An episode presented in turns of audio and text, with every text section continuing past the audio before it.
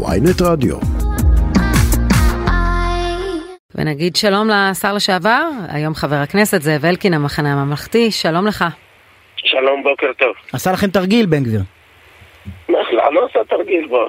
תשמעו, זה כאילו עוד מעט תגידו שהוא כבש את הר הבית ושחרר אותו. לא, אתמול תקפתם, אתמול תקפתם את הממשלה על כך שהיא מתקפלת ושהיא רופסת מול כי כל חמאס. הקרקס הזה היה מיותר. בסופו של דבר, בהר הבית, להזכירנו כולנו, כן, כי לפעמים קצת התבלבלנו, שוחרר לפני 55 שנה, לא הבוקר. והמצב הנורמלי, אם אתה מרגיש בעל בית, אתה לא עושה מזה קרקס או תיאטרון, מודיע, אחר כך עושה תרגיל הסחה, אחר כך עולה ל-13 דקות לסמן וי כדי שאף אחד לא ידע שעלית ורק אחר כך מודיע, אתה פשוט עולה. הרי בן גביר עלה להר הבית בתקופה של הממשלה שלנו, כן, האחים המוסלמים כביכול, מהמם. חופשי, בשעות נורמליות, בלי צורך לעשות מזה קרקס, בלי הודעות, ולכן זה מה שהיה צריך לעשות, למה היה צריך את כל הסאגה אז? מול מי הוא עשה את זה? מול- מול האופוזיציה? מולכם? מול אה, גדעון סער שאמר לו שהוא מתקפל או מול החמאס? גם אלקין, אתה בעצמך הוצאת אתמול הודעה, בן גביר קיבל איום מחמאס והתקפל בהר הבית. לא, כי, כי, אני, מס- כי, אם הוא לא היה עולה בסיטואציה הזאת, אחרי שהוא עשה כבר תיאטרון והכריז, ואחר כך אמר אולי אני כן אדחה, זה היה עוד יותר גרוע, כי אז למעשה הוא באמת מתקפל בפני איומי חמאס. אבל כל הסאגה הזאת הייתה מגוחכת ומיותרת לחלוטין. אתה שר לביטחון פנים, אתה לא מפחד מחמאס, פשוט תעלה, למה צריך להודיע לפני ואחרי, ותרגיל ופה לא, לא, ומשם? אנחנו יודעים? שאישי ציבור צריכים לתאם את הביקור שלהם. זה תמיד לא, היה. לתאר, לתאר זה משהו אחר, אבל למה צריך פה את כל הדרמה הציבורית? אתה מרגיש בעל הבית, תעשה את זה כמובן מאליו. אגב, בממשלה שלנו, שהם כל כך תקפו ואמרו שמאלנית וזה, הוא עשה את זה כמובן מאליו. לא הייתה שאלה כן או לא, ולא היה צורך בדרמות ותרגילי הסחה, וביקור חפוש של 13 דקות לסמן וי ולהגיד הנה עשיתי. לכן, כל הסיפור הזה, אם אתה מרגיש במקום שאתה באמת מרגיש בעל הבית, אתה לא צריך את כל הסיבוב הזה כל שהיה. פה. איך היה אה, בחילופי המשרד עם גולדקנופ אה, בחפיפה? מה... איך זה עבר מבחינתך? סך הכל אני ניסיתי לעשות את זה הכי ממלכתי שאפשר, אני חושב שככה נכון לנהוג באירועים מהסוג הזה. אה, העברתי את השרביט, אנחנו סקרנו את מה שנעשה במשרד בשנה וחצי האחרונות, הרי קיבלנו משרד עם 50 אלף שיווקים בשנה ואני מעביר אותו לגולדקנופ כבר שנה שנייה ברציפות עם יותר מ-100 אלף שיווקים.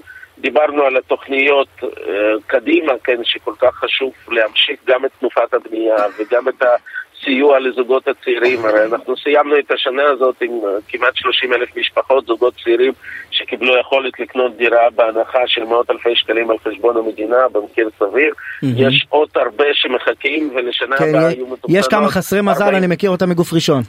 שלא לא זכו אז- בהגרלה. לא, אז, אז אפרופו חסרי מזל שאתה מכיר מגוף ראשון, לשנה הבאה תוכננו עוד 45 אלף דירות כאלה, שזה אומר שמכל אלה שרצו, שני שליש היו מקבלים את ההזדמנות. אבל כולם אומרים עכשיו, לנו- כולם אומרים עכשיו, חכו עם הרכישות, אולי אה, תהיה ירידה של מחירי הדירות. אתה מסכים עם לא, ההערכה קודם הזאת? כל, קודם כל לגבי דירות זה נכון לגבי שוק חופשי, אבל לגבי דירות בהנחה זה לא רלוונטי, כי גם שם מראש אנחנו קבענו שהמחירים יהיו לפי שנת 20 ועל זה עוד 20 אחוז הנחה. שם מראש אתה קונה בהנחה משמעותית שלא כוללת את כל עליית המחירים האחרונה. ובשוק הפרטי, מאוד- ובשוק הפרטי איזה ירידה אתה חוזה? בשוק הפרטי זה תלוי מה גולדקנופ יעשה. כל הכלכלנים אמרו שבגלל ההיקף בהיצע שאנחנו הכפלנו אותו וגם בגלל עליית הריבית, הצפי היה שבשנה הבאה עליית המחירים תיבלם ואולי אפילו תתחיל ירידה. סדר האם גודל. זה יקרה? האם זה יקרה? זה תלוי כמה הוא ישווק. אם הוא יחזור עוד פעם, כמו שהיה במעבר מכחלון לליצמן ל-50 אלף יחידות דיור בשנה, אז תהיה עוד פעם קפיצת מחירים מטורפת. אם הוא ימשיך את הקצב הזה של 100 אלף יחידות דיור בשנה, אז באמת התחזיות ה- של הכלכלנים, לא שלי, כן, אלא של כל מי כן, שמתעסק בתחום גם של הזה. הבנקים, נכון. תגיד, מבחינת- תכנון, יש לו 100 אלף יחידות דיור לשווק? בוודאי, יש לו... או שסיימת לו את המאגר? לא, לא, לא. יש לו, אבל צריך להמשיך בתנופה, את כל, גם בתכנון אנחנו מאוד קידמנו, הרי העברתי את חוק הוותמ"ל והכל, אז צריך להמשיך שם בעשייה מאוד מאוד מזורזת ונמרצת. ואיך מצד אחד. התרשמת ממנו, כמה באמת הוא מחויב לזה, או שהוא עסק גם בבעיה במגזר החרדי בפרט? אני, אני לא יודע, אני, אני לא יודע, זה בסוף מה שצריך לבחון פה זה מעשים ולא דיבורים, הוא גם אמר בטקס החילופים שכשהוא דיבר על זה שאין משבר דיור הוא התכוון לזה שהוא בעצמו עוד לא מכיר מספיק את התחום והוא צריך עוד ללמוד. אני מאוד מאוד מקווה... שאלה אם יש זמן ללמוד, יש לך קצב שיווקים שאתה אומר שחייבים לעמוד בו. אז זה בדיוק הנקודה. יש פה, הוא ייבחן בעיניי בסוף בשלושה דברים. אחד, זה היקף השיווקים. שנית, זה המשך תוכניות של דירות בהנחה, כי אם הוא יתפתה ללחץ של פקידי האוצר לבטל את זה, הרי ליצמן ביטל את המחיר למשתכן של כחלון, וירדנו רק לשלוש אלף אה, אה, דירות כאלה, ורק בפריפריה שזה כלום. עכשיו, אנחנו החזרנו ל-30 אלף בשנה, שנה הבאה אמור להיות 45 אלף, אני מאוד מקווה שהוא לא יבטל את זה. יכול להיות שהוא יעשה תוכנית של פיצול דירות, זה גם יכול לעבוד. וזה דבר שני שהוא ייבחן, והדבר השלישי זה כמובן אה, לעבודה מול כלל הציבור ולא רק מול מגזר מסוים, כי התוכניות שאני ראיתי סביב משא ומתן קואליציוני שדיברו על כך שיהיה דרישה שבכל שכונה שיקימו פה יהיה תת שכונה חרדית, זה יביא לשיתוק של כל התחום. גם שיתוק וגם הם לא, כנראה לא מבינים את ראשי הרשויות המקומיות. מי, מי רוצה אוכלוסייה שברובה גביית הארנונה שם היא נמוכה משמעותית, כן. כן, לא יסכימו. חבר הכנסת, כן. אה, לא, אבל חלק מראשי הערים רוצים להקטין את הדירוג שלהם הסוציו-אקונומי כדי לקבל יותר כסף ממשרד הפנים, אבל זה כבר אירוע אחר. אה, חבר הכנסת זאב אלקין, בוא נדבר רגע פוליטיקה. האופוזיציה נראה שלא נדבקת. הנה אתמול שוב אה, הצבעות, חלק מהמפלגות אה, מגיעות להצביע נגד, חלק מהמפלגות לא מגיעות. הקונצנזוס היחיד אולי במערכת הפוליטית הוא שאתם לא מצליחים להדביק את זה. לא, קודם כל ראית אותנו בקרב נגד החקיקה ההזויה של הממשלה לפני הקמת ממשלה. היינו כולנו דבוקה אחת. אני יחד עם אנשי יש עתיד ניהלנו חמ"ל של כל האופוזיציה וגם uh, הצלחנו לא רע, מה שנתניהו תכנן לעשות בשבוע הוא נאלץ לעשות בשלושה שבועות. לא הצלחתם עכשיו... לגייס את אחמד טיבי. אה, אה, אני זוכר את הסיכום שלך מול יריב לוין שלא יהיה פיליבסטר תמורת לא, דחיית ההצבעה. לא, מי שבסוף, כי, כי זאת הייתה המטרה. בסוף הרי פיליבסטר הוא מוגבל בזמן, כשיריב לוין הרים דגל לבן וויתר על זמן יותר אפילו, ממה שהיה אה, יכולנו להשיג בפיליבסטר. ברור שהשגנו את שלנו, אבל בסופו של דבר שם הייתה עבודה מתוזמנת של כלל סיעות האופוזיציה. אני מאוד מקווה שככה זה יימשך, לפחות זאת כוונתנו. לגבי הצבעה אתמול, אתה צריך לשאול אלה שלא היו שם, מחנה ממלכתי. שאלנו, הייתה להם סיבה טובה, הוא אמר, עניינית אני תומך בהשבעה של אישה לשרה, אם אני מדבר נגד זה, משביעים אותה, והיא גם גורם ממתן בממשלה הזאת, אני אעדר ולא אצביע נגד. אני מכיר שאופוזיציה, הרי השבעה של שרה זה כמו אמון בממשלה, אני מכיר שאופוזיציה מתנגדת להשבעת שרים.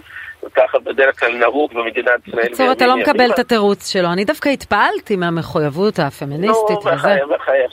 הרי ברור, גם אתם מבינים שזה תירוץ ולא סיבה. מישהו רצה ללכת הביתה מוקדם. מה האינטרס? אני לא נכנס לזה כרגע, זה לא תפקידי. זה התפקידים בוועדות? זה החלוקה בוועדות הכנסת? לגבי חלוקה בוועדות הכנסת, כמו שמקובל, כל סיעות האופוזיציה ניהלו משא ומתן עם הליכוד. מתוך שש סיעות שיש באופוזיציה, ארבע הצליחו להגיע להבנות ולשיטתם קיבלו את מה שמגיע להם, אנחנו אחת מארבע. שתי, שתי סיעות לשיטתם כשלו במשא ומתן ולא מרוצות, יש מי שיודע לנהל משא ומתן יותר טוב, ויש מי שיודע פחות טוב, אבל... אבל, אבל מה שעולה דבר... מכל דבריך זה שבאמת האופוזיציה לא פועלת כאיש אחד בגוף אחד. לא, בחלוקה לוועדות זה אף פעם לא היה ביחד. אני ניהלתי הרי את התהליך הזה אין ספור לא, פעמים. לא, אני מתכוון בהצבעה על גילה גמליאל, ובפיליבסטרים, ובשיתוף פעולה עם הרשימה המשותפת. לא, בפיליבסטר, שוב, בפיליבסטר היה חמ"ל משותף שפעלנו כולנו ביחד. חוץ מהרשימה. בהסכמה אחת, וגם רשימה משותפת פעלה איתנו. היה טאקל בין רשימה משותפת ליש עתיד, אבל מולנו הם ידעו להתנהל ופעלו איתנו גם בפיליבסטר. עכשיו, לגבי השאלה מה הלאה, אני מראש אומר לכם, יהיו לא מעט הצבעות שנצביע שונה, כי ביני לבין אחמד טיבי יש תהום אידיאולוגית שפעורה, ובהרבה נושאים... ככה לא בונים חומה. לא, לא, אני לא הולך לאמץ עמדות של אחמד טיבי כדי שתגידו שהאופוזיציה היא מאוחדת. בדברים רעים שממשלה תביא, וכולנו נחשוב שהם רעים, אנחנו ניאבק ביחד. אם יביאו דברים שהם טובים למדינת ישראל, או שחברי כנסת כחקיקה פרטית יזמו דברים שהם טובים למדינת ישראל, אז בגלל שאחמד טיבי נגד, אני צריך להיות נגד? אני לא עובד אצל אחמד טיבי. יש בינינו הבדלי גישות משמעותיות, דווקא הפוך. נתניהו כשהוא היה אופוזיציה, הביא לאחמד טיבי הישגים כשהפיל את חוק האזרחות וכשעיכב את תקנות יו"ש. אני, אצלנו לא תראו את התמונות האלה. אנחנו לא נהיה אופוזיציה למדינת ישראל, ולא נהיה אופוזיציה לעם ישראל. אנחנו נהיה אופוזיציה לממשלה נחושה בדברים רעים שהיא תביא. ושם נדע לעבוד ביחד. אבל דברים שהם טובים למדינת ישראל, אנחנו לא נעניש את מדינת ישראל על זה שנפגעה ממשלה שבעינינו היא לא נכונה. חבר הכנסת זאב אלקין, לשעבר, שר הבינוי והשיכון, תודה. תודה רבה. תודה על השיחה היום.